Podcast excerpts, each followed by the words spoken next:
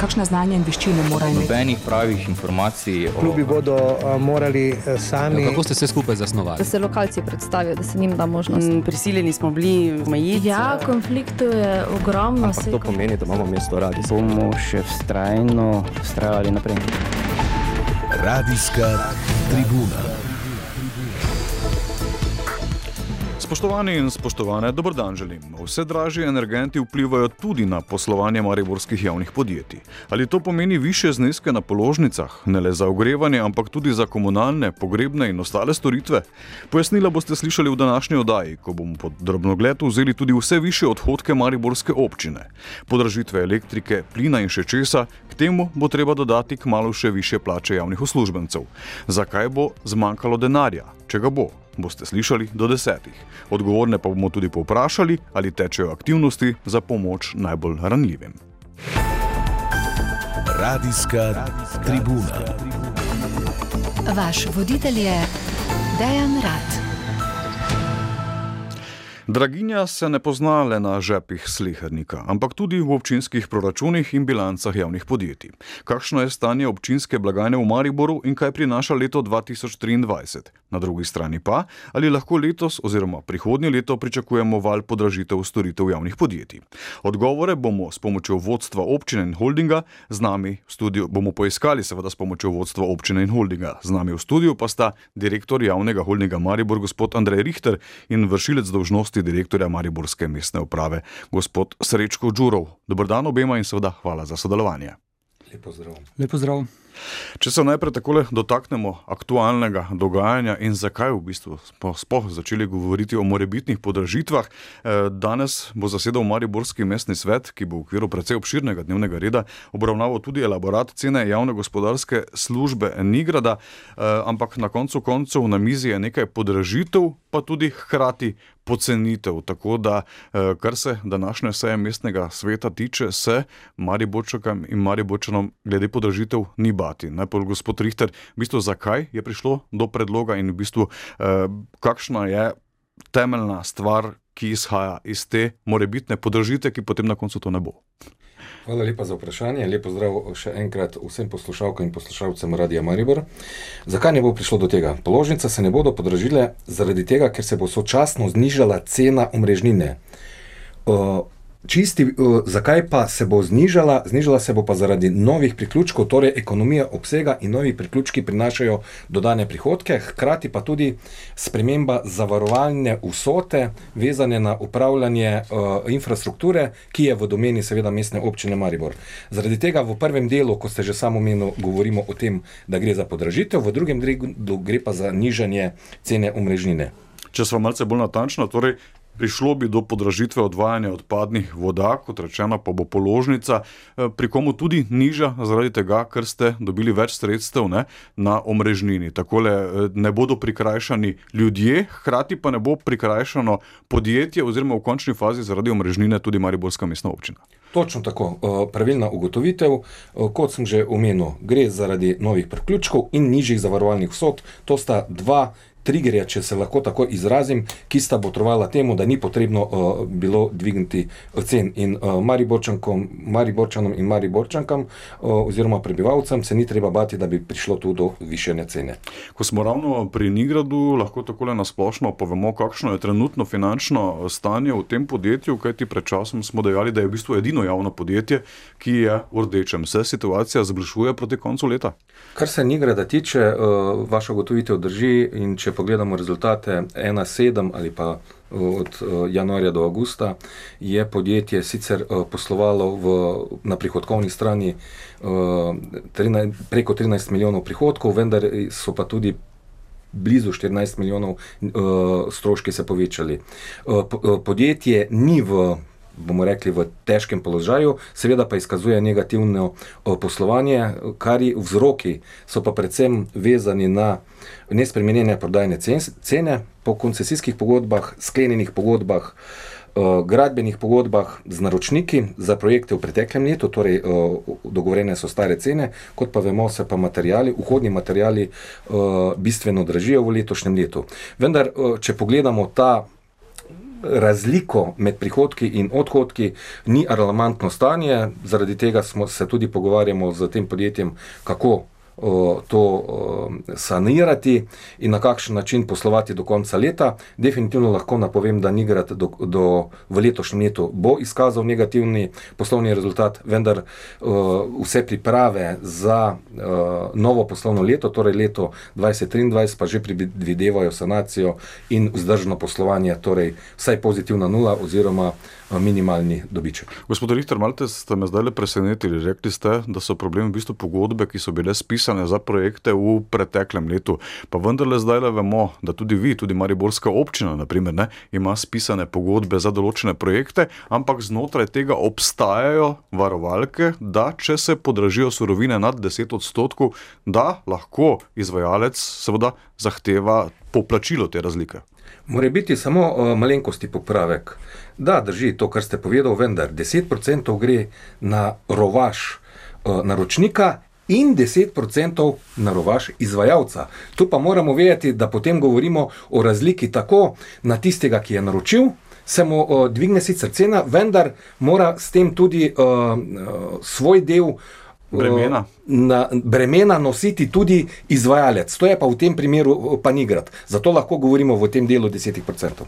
E, gremo naprej, torej od Nigrada v bistvu na vsa e, javna podjetja ali lahko glede na splošno draginjo, na dvig cen, tudi seveda za javna podjetja, govorimo o elektriki, govorimo o pogonskih gorivih, govorimo seveda tudi o plinu, e, pričakujemo podražitve storitev in e, za katera podjetja v danem trenutku je situacija najtežja? Sigurno je najtežja situacija sedaj za podjetje energetika, ki upravlja vse aktivnosti vezane za zakup zemljskega plina za leto 2023. Za letošnje leto se ni potrebno bati. Kar se tiče pa ostalih podjetij, mi smo v letošnjem letu skupni javni naročilo pripravili za električno energijo in mora biti samo podatek.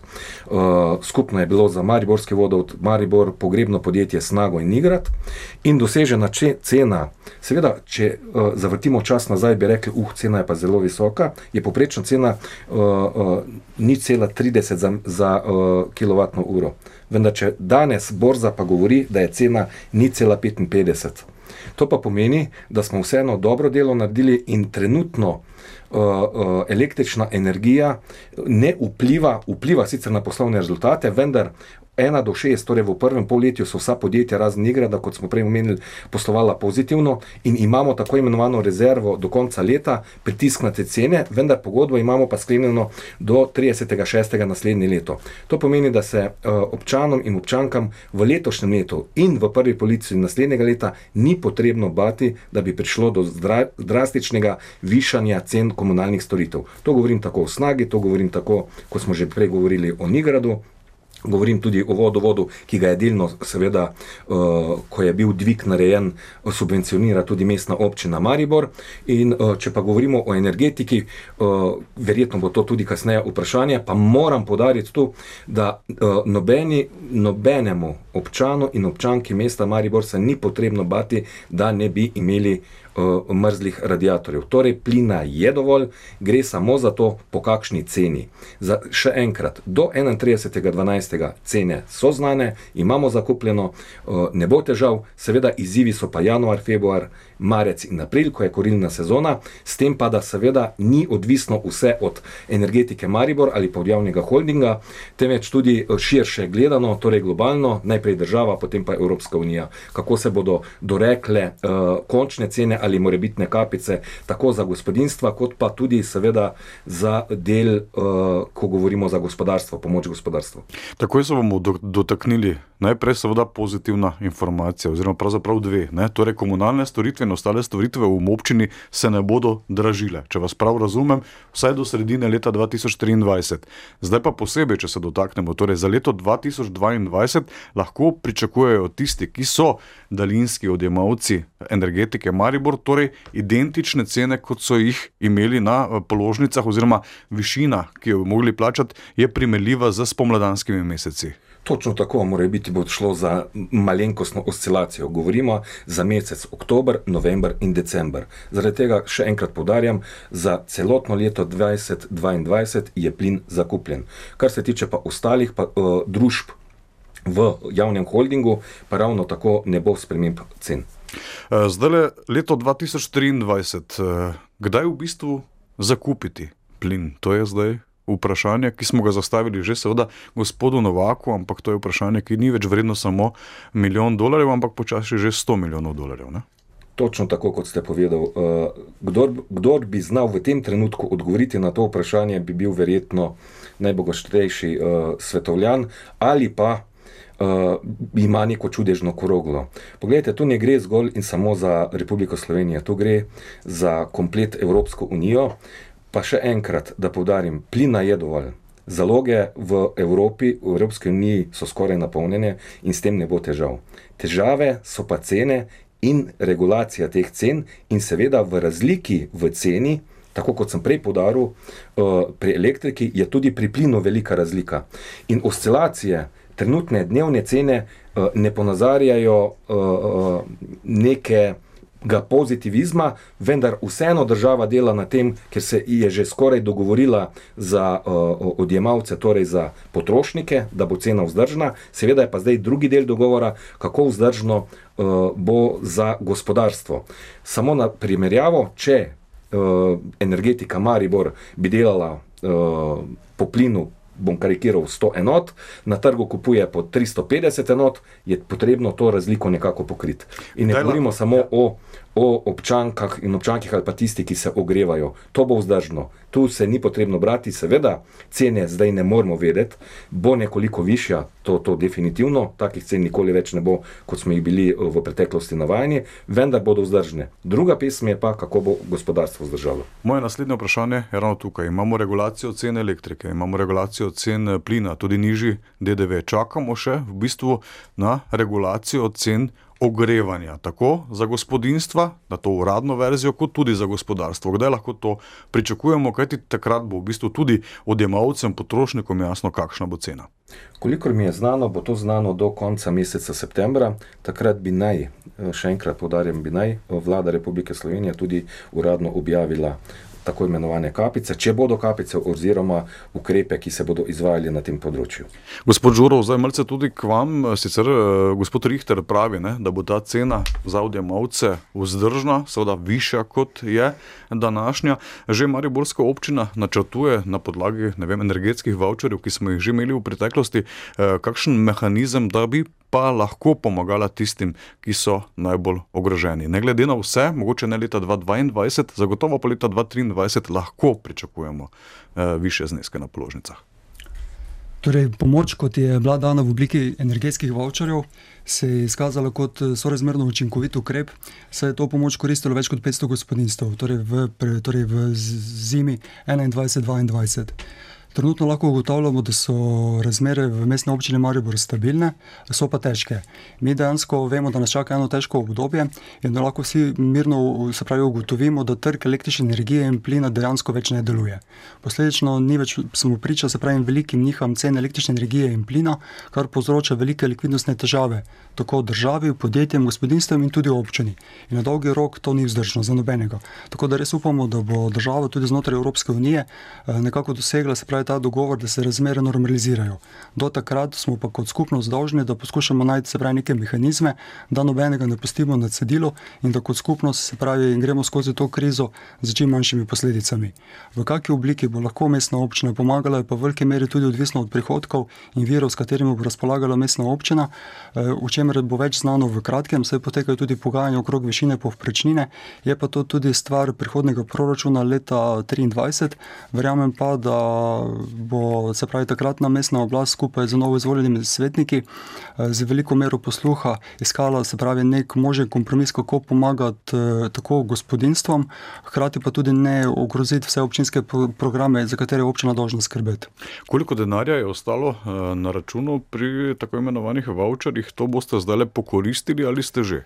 Torej, en del denarja, ki je ostal, se pravi, rok za oddajo vlog za voucherje se je stekel 30.6. En del denarja, ki je ostal, je občina namenila za subvencioniranje vode. Namreč nekaj mesecev nazaj na mestnem svetu prišlo do majhnega dviga vodarine in občina je takrat pristopila tudi k pomoči svojim gospodinstvom za subvencijo vode. Istočasno smo pa en del tega denarja namenili za pomoč otrokom za letovanje v Punato. Tako da ta denar je več ali manj ostal porabljen, se pa dejansko trenutno se že ukvarjamo z planiranjem novega proračuna, ker se pa že določene postavke planirajo tudi v obliki, se pravi, kako pomagati eh, se pravi, našim občanom z vidika omilitve energetske krize, oziroma kako predvsem nameniti čim več sredstev, koliko bomo pač zmožni, humanitarnim organizacijam, tu imamo v mislih predvsem Rdeči križ in Karitas, ki v teh težkih trenutkah, eh, trenutkih pomagajo, se pravi, našim občanom. Zdaj lahko, lahko že mirno rečemo, ne, da se je število prosilcev za pomoč tako na Karitasu kot na Rdečem križu povečalo. Pa še nismo prišli do tistega najhujšega kriznega obdobja, ker prej smo govorili o ogrevanju, predvsem v lanskem letu, zdaj je tukaj še elektrika, prehrana in ostale stvari. Lahko morda v danem trenutku poveste, za koliko pa bi se morda lahko povečala pomoč humanitarnim organizacijam v primerjavi s preteklim obdobjem. V tem trenutku tega žal ne morem napovedati, mi pa lahko povem to, da zelo tesno spremljamo ukrepe, ki jih uvedla država. In država je že zamejila ceno električne energije in plina, hkrati se pa tudi, tudi že odločila za uvedbo energetskega dodatka, za enkratnega energetskega dodatka za najbolj ranljive skupine ljudi. Pomembno je namreč, da ko planiramo, se pravi, kakršne koli oblike pomoči, da ne pride do prikrivanj, ker to pol posledično ne vodi do cilja, ki ga zasledujemo. Je pa, kot sem že prej omenil, v veliki meri to predvsem povezano tudi z višino povprečnine. Namreč splošno znano dejstvo je, da znotraj Republike Slovenije je 212 občin, od tega jih je 70 podfinanciranih v višini 163 milijonov in med njimi je žal tudi mestna občina Maribor. Ta podfinanciranost gre v višino 20 milijonov evrov, kar pomeni, da dejansko mi že, ko štartamo, torej v pripravi proračuna, smo že tepeni v višini 20 milijonov. Menimo, da to ni pravično, ni pošteno za strani države in da prej ali kasneje bo pravi, obstoječa vlada to morala urediti. Polje pa tu še vprašanje povprečnine, namreč tu prihaja do velikih razkorakov med tem, kar menimo občine, kakšna bi morala biti in od tega, kar lahko vlada trenutno, oziroma kar vlada trenutno ponuja. Ta razkorak je več kot 100 evrov, kar pomeni spet dodaten manjko kar nekaj milijonov v občinski proračun. In če upoštevamo, da se pa hkrati stroški za energijo in elektriko, ogrevanje večajo, prihajamo v situacijo, da so potrebe po tovršni pomoči vedno večje, naši prihodki pa vedno manjši. Gospod Žoro, zdaj ste me vi pripeljali k temi, Potrebno ki sem želel načeti sam, ampak bom kar takole vprašal, ko ravno govorite o stroških. eh, Podobno kot ne, za javna podjetja, velja tudi v bistvu za Mariborsko občino, ki nima eh, pod okriljem samo uslužbencev, ne vem, mestne uprave, tukaj so še vrtci, osnovne šole in še marsikaj drugega. Za koliko, po vašem mnenju, po vaših izračunih, bodo višji ti stroški že zdaj v letu 2022 in kaj šele v letu 2023. Računati moramo ob tem seveda tudi na povišanje plač, prvo se bo zgodilo že torej z mesecem oktobrom, če prav razumem. To je vprašanje za vas, gospod. Ha, okay. Eh. uh, torej, mi, jaz imam podatek za leto 2023. Mi smo računali na letni ravni, kaj pomeni ta dvig plač. In ta dvig plač torej, za celotno mestno družino, torej brez javnih podjetij, v mislih imam torej občino, vrtce, šole, uh, govorimo nekje več kot 2 milijona evrov. Če pa govorimo o samih stroških, kar se tiče ogrevanja električne energije, če je v letu 2021 uh, bil ta strošek skupaj z javno razsvetljavo nekje 4 milijone, je v letu 2022 ob tem, da imamo dobre cene. Mi imamo do, danes dobro, odlično ceno električne energije in odlično ceno plina, se že, se pravi, ta strošek dviguje na 5 milijonov. Če bi po današnjih cenah morali pa zakupiti uh, plin oziroma električno energijo in to dali v neke projekcije za 23, je to nezdržno. Mi se to govorim, pogovarjamo o takih milijonih, da preprosto to občinski proračun ne more prenesti in zato upamo, da bo država, se pravi, v trenutku, ko je začela reševati gospodinstvo in tudi gospodarstvo, začela ustvarjati neke ukrepe tudi za občine, ker na dolgi rok to nobena občina ne more preživeti. Torej, če zdaj gremo nazaj k besedam gospoda Richterja, ne? do 30.6.2023 imate vi urejeno, predvidevam, da ima tudi občina do takrat zakupljene eh, nekatere stvari, od tistega roka naprej pa je en velik vprašaj. Če se situacija na energetskem trgu ne umiri, če se vojna v Ukrajini ne konča, se vaše največje delo začne, na pamet govorim, marca prihodnje leto. In lahko doživimo v drugi polovici leta 2023 še en šok. Zdaj malce prejudiciram, ampak eh, takole sprašujem, glede na to, kakšna je situacija danes. Vaše ugotovitve so popolnoma pravilne, vendar ne bomo začeli delati meseca marca, začeli bomo delati včeraj.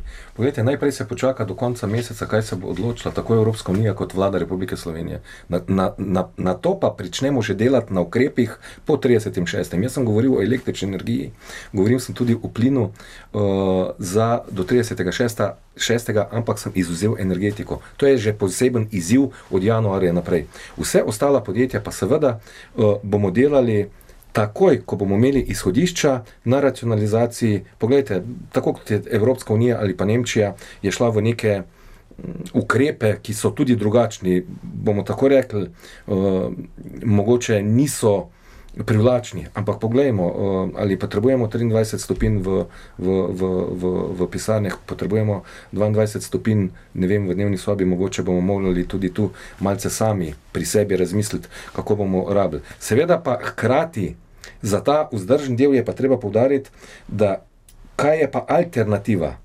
Tu pa holding dela, bomo rekli, za polno paro že v letošnjem letu. Torej, fotovoltaika, torej uh, uh, visoko temperaturna toplotna črpalka pristan, torej biomasni kotel. Uh, vsi ti projekti so zagnani z ne 100% hitrostjo, ampak 1000%, vendar je potreben čas, da to pride in da se to priklopi. Tako da, uh, veste, razmišljamo v holdingu predvsem o tem, da nam je mar za meščane in meščanke in da bomo vse to, kar sem zdaj naštel, te projekte, zaključili fotovoltaiko do marca meseca, recimo do prve polovice uh, kotu naslednjega leta uh, biomase. To pomeni, da že pripravljamo uh, aktivnosti za leto 23 po 36, kako bomo. Tudi če bo more biti ostalo, čeprav si vsi skupaj želimo, da bi se ta mm, nes ta nesrečna vojna zaključila in da bi se uravnali malce uh, ti gospodarski trgi in se malce uh, more biti sprostilo ta krč, ki, ki smo mu pa sedaj na globalnem trgu priča. E, Tako le bom še vprašal, prej začeli smo s cenami, pa vendarle se nekatere cene pa se spreminjajo, naprimer govorimo o Marpromu. Ne govorimo o cenah avtobusnih vozovnic, če prav razumem, ne? ampak govorimo pa vendarle o nuji, ki ste jo izrazili, govorimo o smučarskih vozovnicah. To je prav posebna zgodba tudi tam, seveda je prišlo do podražitve. Kako bo v bistvu predvsem izgledal to smučarski del sezone, glede na to, da so stroški zares enormni, podražitev vozovnic pa 20 odstotna, kar pomeni, da lahko tudi pričakujete kakšen osip obiskovalcev. Poglejte, drži, kar ste povedali. Moram pa povdati, čeprav smo, se cene povišujejo za 20%, pa je to bistveno manj od podražitve energet, energentov za katero je zdaj upravljalec žičic in smočišč uh, uh, soočen. soočen. In poglejte, tu je ta del, je samo poenotenje tako imenovanih primerjalnih cen uh, smočišč, ki smo jih uh, tako v Sloveniji, kot v bližnji Avstriji, ali pa če rečemo tole uh, uh, v bližini Zagreba. To pomeni, ni drastič, prišlo do drastičnega po povečanja. V celotni Sloveniji se bomo vsi skupaj smučali in smuč, smučarke in smučari uporabljali infrastrukture z primerljivimi cenami. Seveda pa, kaj je temu botrovalo, je pa reorganizacija in dobro delo vnaprej. In ta pritisk na cene je resnično enorm, seveda pa vsi skupaj upamo na naravo. Uh, da bo tudi narava pomagala v letošnji zimski sezoni, in manj, ko bomo uporabljali, uporabljali umetne zasneževanje, več naravnega snega, lažje bo za vse skupaj. In že bodo stroški. E, Tako le še samo kratko vprašanje glede pohorja, ko, ko vas ravno imamo v studiu, zanima nas seveda, kdaj bo prišlo do prenosa e, upravljanja z žičnicami strani Marproma na podjetje Šport Maribor. Je to danes že jasno, se bo to zgodilo letos? Kar se tega vprašanja tiče, aktivnosti gredo v polni meri. V tem tednu, oziroma v naslednjem tednu, pričakujemo podpis pogodbe med Marpromom in Športom Mariborom o delitvi, in takrat se prične proces čiste odelitve. To pa pomeni osnovna sredstva in vse te aktivnosti, ki so potrebne za samo odelitev. Zdaj, ali bo to prišlo z, z, do konca tega leta, ni zaznati, to je vse odvisno seveda od številnih deležnikov, ki jih je treba in številnih aktivnosti, ki jih je treba izvesti. V vsakem primeru so pa aktivnosti v polnem teku. Uh, smučarke, smučari, uporabniki uh, sploh ne bodo zaznali uh, nobene spremembe v tej zvezi, uh, da bi bilo slabše, celo boljše bo, v vsakem primeru pa aktivnosti potekajo, ne moremo pa zdaj reči datuma. Natančno, aha, prenos bo narejen z 31. 12. ali pa 1. 10. Vkolikor do tega ne bo prišlo, še bomo zmeraj upravljali preko Marproma, v vsakem primeru, ko se pa proces zaključi, uh, bo pa to prevzel šport Maribor. Gospod Richter, samo še eno vprašanje za vas, potem pa se bomo malce posvetili tudi občini in preostalim uh, zadevam. Seveda, zanima me to zadevno. Kakšen, uh, v letu 2021 ne, ste na holdingu imeli profit. Večji del tega profita boste namenili ne, za investicije. Torej, ne gre občini, občinski proračun, ampak za investicije, ki bodo na pohorju. Kakšna pa je projekcija za letošnje leto, za 2022, kar se dobička tiče ali pa pozitivne ničle, kako želite, vi boste povedali. ja, hvala lepa za vprašanje. Kar se dobička tiče, je bilo veliko govora o tem. Ja, za leto 2021 je javni holding Maribor skupno konsolidirano dosegel malce čez 4 milijone evrov dobička. Od tega ga je polovico, torej 2 milijona, pustil podjetjem, predvsem za razvoj, tako kot ste že sam omenil, kajti podjetja morajo tudi delati na razvoju, da, da lahko vzdržno poslujejo in seveda uh, parirajo uh, dvigu cen vsega in seveda uh, izboljšujejo obstoječe storitve, obstoječe za občane in občanke. 2 milijona evrov je bilo pa namenjenih seveda kot dividenda lastniku, tu pa preko tega lahko konkretno govorimo, da gre za uh, igrala, uh, gre za, uh, za različne dejavnosti, uh, ki izboljšujejo življenje v mestni občini Maribor. Zato smo se tudi z lastnikom na tak način odločili. Kar se tiče pa leta 2022, upajmo, da bomo dosegli planirane vrednosti, razen seveda enega podjetja. O samem razdelitvi dobička se bomo pogovarjali, seveda, po zaključnem računu, to je pa približno marca leta 2023. Gospod Đurov, le še tri minutke in pol imamo časa, pa vendarle me zanima, rekli ste, občinski stroški so vse višji, zdaj le čakate ne, na izračun povprečnine. Dvomim, uh, upam pa, da se motim, ne, da bo povprečnina za 100 evrov višja, kot je bila uh, lansko leto, oziroma kot je predvidena. Kaj to pomeni tudi v bistvu za Mariborsko občino, ko govorimo o proračunu in ko govorimo o investicijah, ki so načrtovane, predvsem pa Mariborčanke in Mariborčane zanima. Eh, kaj se bo zgodilo v bistvu z obema investicijama v zdravstvu? Govorimo o zdravstveni postaji ne? Magdalena in zdravstveni postaji Tezno. Se lahko zgodi, da bodo morale nekatere investicije počakati? Torej, jaz tudi upam, da se vi motite. Torej, da bo, jaz upam, da bo vlada res prisluhnila občinam in se odločila za višji znesek povprečnine. Zdaj, kar se tiče samih investicij, jaz mislim, da investicije kot so zdravstveni dom, Magdalena, zdravstveni dom v Tezno in nadaljevanje izgradnje centra Rotoš, to res investicije niso ogrožene. Bo pa v veliki meri vse podrejeno temu, kaj nas čaka naslednje leto. Torej, kolikor bomo mi soočeni z tako enormnim dvigom stroškov ogrevanja in električne energije, bo dejansko verjetno določen potrebno poiskati nek kompromis in določene zadeve bodo morale počakati na boljše čase. Torej, ključno je, da to obdobje, ki je pred nami, preživimo kot skupnost čim bolj eh, brez nekih hujših posledic in da pomagamo tako našim gospodinstvom, kot tudi podjetjem, ki delujejo na našem območju. Mi tesno tu sodelujemo torej, z vlado Republike Slovenije pri sprejemanju ukrepov, istočasno smo pa tudi zelo veseli, da naše javne podjetja so v taki kondiciji, kot so in edino, kar si lahko želimo, da, da, da v tako dobri kondiciji, se pravi, holding eh, tudi ostane. Namreč eh, skupaj skupaj z močnim holdingom, z nekim močnim razumevanjem tudi se strani mestne občine, lahko pridemo tudi do nekih razumnih rešitev, kar se tiče morebitnih dviga cen storitev gospodarskih javnih služb. Mi vemo, da bomo morali najti nek kompromis, ki bo hkrati vzdržen tako za gospodinstva, kot za se pravi javno podjetje, ki te storitve izvajo, kot tudi za samo občino, ker do neke mere ta blagajna je skupna. In zdaj pač koliko je znotraj tega, bomo morali najti nekako najti nek ustrezen način upravljanja in, in gospodarjenja. Če so zelo, zelo natančna, rekli ste, zdaj le se pogajate za poprečnino. Kakšna ja. je trenutno ponujena številka? Rekli ste, vi terjate 100 evrov više, kakšna pa je ponujena? Mi terjamo še več. Torej, eh, ponujena številka je 639 evrov za leto 2023, občinska združenja so pa prišla, torej vsa tri združenja so pa prišla do številke 775 evrov. Torej, Pomagate nam še samo toliko, koliko pa je bila poprečnina minula? Zdaj je bila 645. Torej, vlada celo prihaja z predlogom, ki bi bil še celo malenkost nižji. Seveda ima verjetno tudi to svojo logiko, ravno zaradi tega, ker se vlada sooča z to celotno energetsko krizo. Ampak, eh, če pride do tega dviga, recimo tako kot je zdaj prišlo do dviga plač, to se, pravi, ko pride do tega dogovora, se to tudi prelevi v občinske proračune, torej breme tega prevzame tudi občina. In kolikor mi ne dobimo sredstva za to, pomeni v bistvu, da najedemo, se pravi, lastno substanco za neke, se pravi, neke sredstva, neke vire, ki bi drugače namenjali za razvoj tega mesta. Tako da v neki točki bo potrebno najti nek ustrezen kompromis, ker kolikor tega kompromisa ne bo, bo razvoj mesta dejansko ogrožen in bo nekaj časa moral ostati. O tej temi bomo zagotovo še govorili o poprečninah, kar seveda vpliva ne, eh, na to, kolikšna sredstva bodo prišla v občinski proračun in seveda kaj vse bo moč na podlagi tega tudi v mestni občini početi. Direktor javnega holdinga Maribor Andrej Richter in vršilec dožnosti direktorja Mariborske mestne uprave Srečko Đurov, eh, hvala lepa za vse dane podatke. Zaključujemo, ne, glede na slišano, da se vsaj kar se ostalih storitev z izjemo ogrevanja tiče, eh, Mariborčeke in Mariborčani ne rabijo skrbeti. Vse še nekaj časa je tako, ne? Tako je. Drži.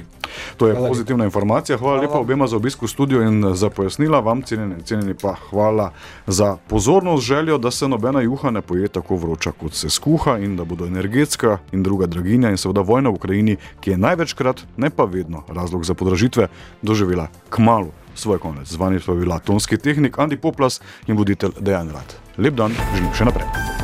Radijska tribuna. Na radiju Maribor.